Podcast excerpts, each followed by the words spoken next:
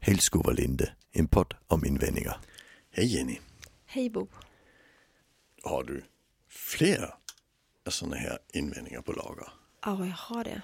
Det, de, eh, det kommer fler och fler. Ja. Den jag tänker vi ska prata om nu, den är ganska tung tycker jag. Många har varit tunga, men den här Ja. är... Ja, det är en invändning som eh, oftast eh, dyker upp då i... Eller i stort sett alltid så dyker den upp i, eh, inom behandlingsvärlden, HVB-verksamheter. Mm. där vi barn och ungdomar är placerade. Och den låter så här. Eh, men de har i alla fall bättre här än hur de har haft det tidigare. Alltså en hemma. Mm, än hemma. Ja, det, det ligger ju i den en, en, en upplevelse av att det inte är riktigt bra. Ja. Ja, det, och det är väl oftast då som detta kommer upp, liksom när man kanske pratar om och på något sätt konstaterar att det är inte riktigt bra. Vi, nej, men vi, det, det är fortfarande saker som kanske inte känns helt riktigt rätt och bra i magen. Men, men att man då ändå upplever att det får vara okej, för att det är bättre än, än vad det var, hur det var tidigare i alla fall. Mm. Och det är ju någonting som vi måste bara på något liksom fånga upp väldigt fort så att det inte får liksom på något sätt bli någon slags rättfärdigande för att eller ett okej, att göra det okej att, att göra ett halvbra jobb eller att eh, Mm. ge de här barnen en halvbra barndom och omsorg på något sätt. För det är faktiskt så det riskerar att bli då ju, om vi nöjer Ja. oss där. Ja, faktiskt. Ehm, och eh, det är klart att alla barn ska ha det allra bästa varje dag. Mm. Och de allra sårbaraste och sköraste barnen som har blivit placerade på ett eh, HVB-hem, de ska ju ha det super, super, superbra och väldigt, väldigt mycket mer av den där omsorgen som jag tänker, som kanske blir lite självklar för de flesta barn. Ja, Men här måste man verkligen säkra den varje dag. och det tycker vi. Ja, det tycker vi. Ja, alltså jag har läst på lite om det här med placeringar och effekter. Orsaken är att det kom ett äh, regeringsinitiativ i Danmark som heter Barnen först. Mm. Eh, när nuvarande statsministern gick på så sa hon att hon skulle vara barnens statsminister. Mm. Och det låter, låter, låter jättebra. Mm. Eh, Men det det i verkligheten betydde det var att barn ska inte vara hemma om det är dåligt, då ska de omhändertas i större utsträckning. Så barnen först handlade alltså om att fler skulle omhändertas. Okej. Det var ett direkt mål att omhänderta fler. Mm. Eh, Att man skulle kunna att bli bortadopterad om föräldrarna inte lyckades tillräckligt. Så skulle man snabbt kunna bli bortadopterad. Man skulle kunna bli bortadopterad vid födseln om inte man förväntade att mamman skulle kunna lösa uppdraget. Oj. Och sen blev vi, eh, jag och ett antal kollegor ombedda att skriva ett eh, remissvar till det. Mm. Och det var ju bra. Där sitter alltså en, eh, en, eh, en politiker i, i danska riksdagen, Folketinget, för regeringspartiet Socialdemokraterna som har varit eh, skolledare för en av de största autismskolan i Danmark i, i många år. Mm. Så det är bra. Mm. Och hon har ansvar för det området men hon har inte så mycket inflytande på hon är, inte, hon är inte i regeringen, hon sitter i riksdagen så hon har inte inflytande på det här utspelet riktigt. Mm. Men, men det är ändå hon som liksom blir ombedd att hantera det här med, med remissvar så hon kontaktar oss och, och bad oss skriva. Sen satte vi oss in i vad har vi faktiskt för forskning. Mm. Och, och där har vi ju ganska mycket svensk forskning faktiskt. Mm. Vi har en forskargrupp i Stockholm eh, kring Bo Winger, Winner Ljung och Anders Järn och lite annat folk som Mm. har tittat mycket på eh, register, alltså registerforskning, de har tittat på hur går det för barn som placerades. Ja. Eh, och de har liksom visat att det går allmänt dåligt för barn som placeras. Mm. Och sen brukar man säga att ja, det är inte konstigt, det är en orsak till att de placerades. Så därför har de försökt ta reda på, men hur kan vi ta reda på hur det, alltså om det är sämre att bli placerad än att inte bli det. Mm. För någonstans är det ju sunt förnuft att det ska bli bättre att bli placerad, eller Mm. hur? Alltså det, det, det, det är så vi gärna vill tänka. Mm. Eh, Men ett sätt de gjorde det på det var att gå in och titta på, men om vi har syskon Ja. och en, ett syskon omhändertas och det andra inte, Mm. vem går det då bäst för? Eh, Och det visade sig att det går ju faktiskt lite sämre för de som placeras än för de som stannar hemma i samma familj. Ah, ja. Mm. Men sen är det folk som säger, ja men det kan ju vara så att eh, de barnen liksom klarar sig bättre för att de har lite bättre förmåga liksom. Mm. Och vi placerar ju inte bara barn på grund av föräldrarnas för- oförmåga utan även för barnens beteende. Mm.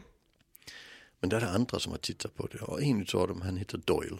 Eh, och 2008, där, 2007, 8 någon gång, Mm. Där gjorde han ett, ett ganska roligt experiment. Eh, han följde några eh, socialsekreterare i en stor stad någonstans i världen eh, som jobbade alltså i samma stad. Det var inte så att det var områdesindelat i staden utan det var så att man, när det kom in ett ärende så gick det, du fick detta och, och sen din kollega får det nästa och när det är hela vägen runt så får du ett igen. Jaha. Så det innebär ju att, att det är slumpvist vilka du får. Mm. Och sen tittar han på omhändertog de lika många. Och då var det skillnader. Det var alltså några socialsekreterare som omhändertog över dubbelt så många barn som andra socialsekreterare. Stabilt över tid till och med. Och sen började han titta på, men vi, där vet vi ju inte om det är nödvändigt att omhänderta allihopa. Men vi kan ju utgå ifrån att de som omhändertar stabilt dubbelt så många som de andra. Mm. De omhändertar några som de andra inte hade velat omhänderta. Ja. Så därför tittar man på, men hur går det i genomsnitt för den socialsekreterares klienter? Ja. Jämfört med i genomsnitt för den andra socialsekreterarens klienter. Mm. Och det visar sig att de som omhändertog fler gick det genomsnittligt mycket sämre för deras klienter. Så det, och, och det det betyder rent forskningstekniskt det är att det är några som alla skulle omhändertagit. Mm. Mm. Och där vet vi inte om det blir bättre eller sämre för dem. Nej. Men de som ligger så att några skulle omhänderta dem och andra inte. Mm. Där vet vi att det är mycket sämre att bli omhändertagen än att inte bli det. Mm. Just det. det. Det är det vi vet. Mm. Och det är faktiskt lite spännande. Mm. Så, så utgångspunkten är att vi förväntar att omhändertagande på grund av de här två olika sätt att forska på som Mm. kan jämföra. Mm. Där förväntar vi omhändertagande är negativt för barns utveckling. Just det. Alltså Mm. som utgångspunkt i genomsnitt på gruppnivå. Liksom. Eh, och det betyder ju att, precis som du sa, HVB ska vara jäkla mycket bättre än ett vanligt familjeliv. Mm. Det räcker inte att ha det nästan lika bra som vanligt. Nej. Eller något sämre än vanligt men bättre än hemma. Alltså för att kompensera för den här dåliga miljön hemma, där ska den alltså vara bättre än vad barnet hade haft möjlighet att ha i en Ja. vanlig familj. Precis. Alltså det, det, det, är lite viktigt för det är Mm. inte så att vi bara kompenserar bort det genom att det blir en, en fosterhemsplacering, familjehemsplacering som är som vanligt. Nej. Den ska vara bättre, annars går det fortfarande mycket sämre för barnen. Mm. Absolut. Ja. Det. Mm. Och just det här med att vi kan inte visa att, alltså det är inga studier har kunnat visa att det är en fördel att bli placerad för någon egentligen. Vi kan bara tro det. Mm. För alla studier visar att det vi kan mäta på, där är det sämre. Mm. Just det. Just det. Och vad är det som gör att det kan liksom få... Att, för att, att på något sätt kan jag tycka att det, jag, det, det som har slagit mig genom åren när jag har kommit i kontakt med HVB-verksamheter eh, så har ju det varit att, att de där självklarheterna då, som inte är självklarheter, vi, kan vi konstatera nu då, Mm. det här liksom bara att, att vara barn, att mötas av omsorg och, och kärlek. Det kärlek kan ju nästan, ibland, i vissa verksamheter så har ju nästan liksom, åh, vad är det för, vad är det för liksom flum som du liksom för in här nu liksom. Det, är nästan, det känns lite obehagligt första, första gångerna vi pratar om det. Men vadå, det är klart vi måste våga prata om kärlek och värme här. Alltså det, det är ju barn, det är barn och tonåringar som ni arbetar med.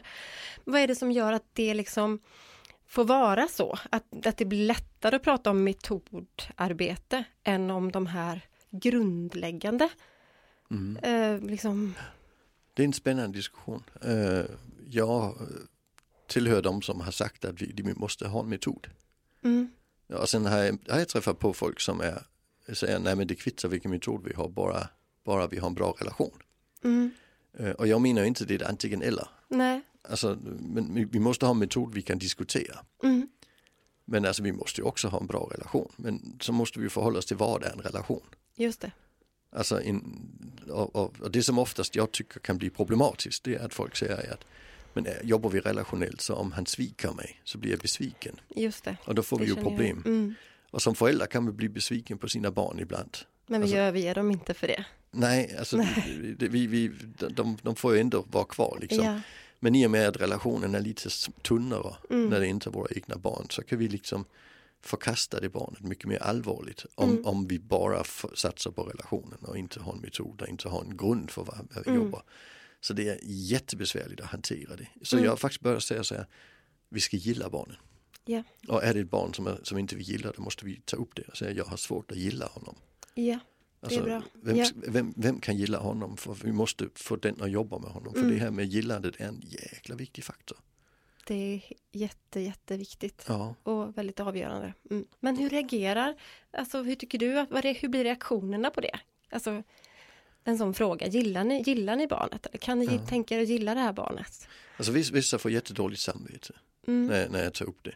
Mm. Alltså nej jag gillar ju inte honom. Och så blir de så här, fan jag är värdelös. Mm. Alltså, Mm. och det hjälper ingen. Nej. Eh, Så, så jag brukar säga, men alltså det, det är helt mänskligt. Ja. Alltså det är folk som är svåra att gilla. Mm. Och det är olika vad vi, vad vi gillar. Mm. Alltså så är det.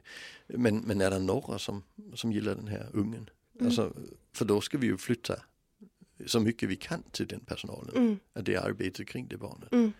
Alltså för att det ska kunna funka liksom. Mm. Mm. Det, det, det, det är jätteviktigt. Och då upplever jag oftast att när vi börjar snacka om det så blir det också lättare att gilla. Alltså folk börjar leta efter, vad kan jag gilla hos honom? Och, Just det. och, och alltså jag tänker lite, det, det är som en av mina käpphästar, jag är neuropsykolog, så Mhm. jag tänker alltid, vad är det han inte kan? Och sen förklara det för personalen och sen hjälpa, alltså för bara det att de vet, det är för att han inte kan, gör att det är lättare att gilla honom. Just det. Innan man tror att det är för att han inte vill. Mm. Mm. Så, så vi får ju oftast ett, ett gillande igång Mm. i de allra flesta fallen. Mm. Men, men det gäller ju att stoppa det här aktiva ogillande som ibland hittar personalgrupper. Mm. Alltså det, det som kommer när man liksom säger hon är en drama queen och sån här. Ja. Alltså ja. när man liksom upplever att det är ett, ett, ett dissande av personen det. Det måste vi ju stoppa. Mm.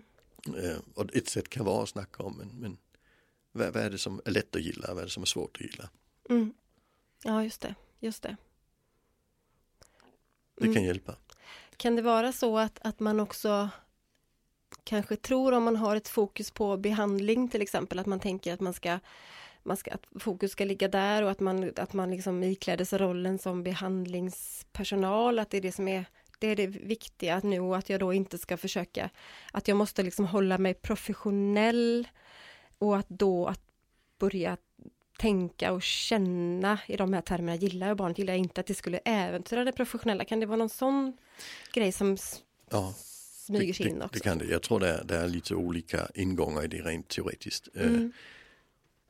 HVB springer ju ur de här alternativa miljöerna som kom till på 60-70-talen. Mm. Alltså där, där vi, alltså den ena sidan, den andra sidan är alltså pojkhemmen liksom, men som blev till sist så småningom. Men, Mm. men det klassiska HVB, där var det liksom alltså familjehemmet som utvidgades till ett, ett, en alternativ miljö, lite Mm. hippieaktigt på 70-talet. Och sen kom det, det var ingen metod, det var inget tänkande. Nej. Alltså naturen ska göra sitt och så tänkte man. Mm. Men sen kom det liksom in och det som främst kom in det var alltså anknytningstänkande. Men, Mm. men det som kom in med det vi kallar den klassiska miljöterapin. Mm. Det var att man sa att de här barnen har anknytningssvårigheter. Så det finns ingen orsak att jobba på det. Nej. Utan vi jobbar med en strukturerad vardag liksom. Mm. Så där, där tog man liksom undan Mm. det här med gillandet. Mm. För att man sa att det är svårt för barnet. Så man hade liksom en teoretisk orsak att göra det. Mm. Under 70-talet, 80-talet, jag hittar det fortfarande eh, Mm. på vissa ställen. Mm. Det är inte mer än ja, ett ställe jag jobbar med just nu. Där jag hittar det igen och det är ovanligt. Mm. Alltså, men det är också de som, som liksom försvarar fasthållningar till exempel. Där jag Ja. snackar om holding och så. Det, det är den, den, den teo- teorin så att säga. Mm. Den ena. Den andra den här lite mer eh, instrumentella. Alltså där oftast har fått handledningar, KBT eh, handledning som Mm. liksom säger men vi snackar inte i sådana mjuka termer utan det är hans ångest vi ska jobba med. Liksom. Just det. Som Mm. man liksom på något vis patient gör barnet. Just det. Mm. Eh, Det, det träffar jag också ofta på och där blir det ju belöningssystem och den här typen av metod. Där, där man liksom på något vis måste, nej det blir tyvärr ingen lördagsgodis för dig Lasse. Nej. Alltså det, det är ju ganska kallt. Mm. Alltså man måste liksom ha en viss kyla för att genomföra Mm. Den, den typen av insatser. Som, annars står du, står du inte ut i det på något förstår- sätt. nej, Alltså det, det, det är ju jättesvårt att stå Mm. ut med. Att, Mm. Alltså det tycker jag. Mm. Alltså, men det är ju det, alltså IVO och Socialstyrelsen har kritiserat jättemånga boenden Mm. HVB-boenden för just den typen. Att du får inte ringa hem till mamma för du har inte gjort det förtjänt. Nej, nej. Alltså det, det är ju sånt de har direkt påtalat. Mm. Alltså, eh, och och den, den, den kyla som kommer där, den, den på något vis, den tar bort gillandet. Mm. Eh, Så, och det handlar ju också om den här professionaliteten. Mm. Och sen har vi ju en som kommer från sjukvården. Alltså, det, det, det, alltså om du är lätt att gilla ska ju inte ha betydelse för vilken vård du får om du ska opereras till exempel. Nej, nej precis. Men, men vi vet ju att det betyder något. Mm. Men då, i vården är tanken att man bara ignorerar det. Mm. Vi snackar inte om det. Nej. Alltså för vi ska ge alla samma vård. Och när någon börjar liksom säga att han är väl för jobbig. Ja men alla ska ha samma vård. Och sen bara jobbar vi och jobbar vi. Alltså, så vi håller undan det. Ja. Och det kanske man måste när man får nya patienter varje dag. Mm. Alltså, det. men, men det är något annat när vi har ett barn under lång tid. Mm. Mm. Alltså där, där, måste vi ändå förhålla oss till det. Tänker Mm. Mm. Just det, just det. Så vi behöver eh, ge de här placerade barnen och ungdomarna det allra bästa. Det måste verkligen vara, det måste vara ett bättre alternativ. Det måste komma till något bättre. Att bli placerad måste alltid vara bättre. Ja men inte bara bättre än det du kommer ifrån. Det måste vara bra mycket bättre än det vanliga genomsnittliga barn utsätts för. Precis. Alltså det, det är där det blir den riktigt stora utmaningen. Ja. Alltså, jag har jobbat med HVB-hem som, eh, det är jätteroligt. Men man tyckte det var lite stökigt där efter skolan. Mm. Så där gjorde man så att man hade stilla timmen. Oh, har också kommit i Lugna med timmen. verksamheter. Alltså kunde man, liksom, skulle man vara på sitt rum och sen skulle man kanske hålla på med läxor. Mm. Så som ungarna ju öppna fönstren och snacka med varandra ut genom fönstren. Mm. Och då börjar personal patrullera. Yes. Mm. Eh, och, och, och sen börjar barnen ju mossa, lära sig morsa, de kunde knacka i. i alltså.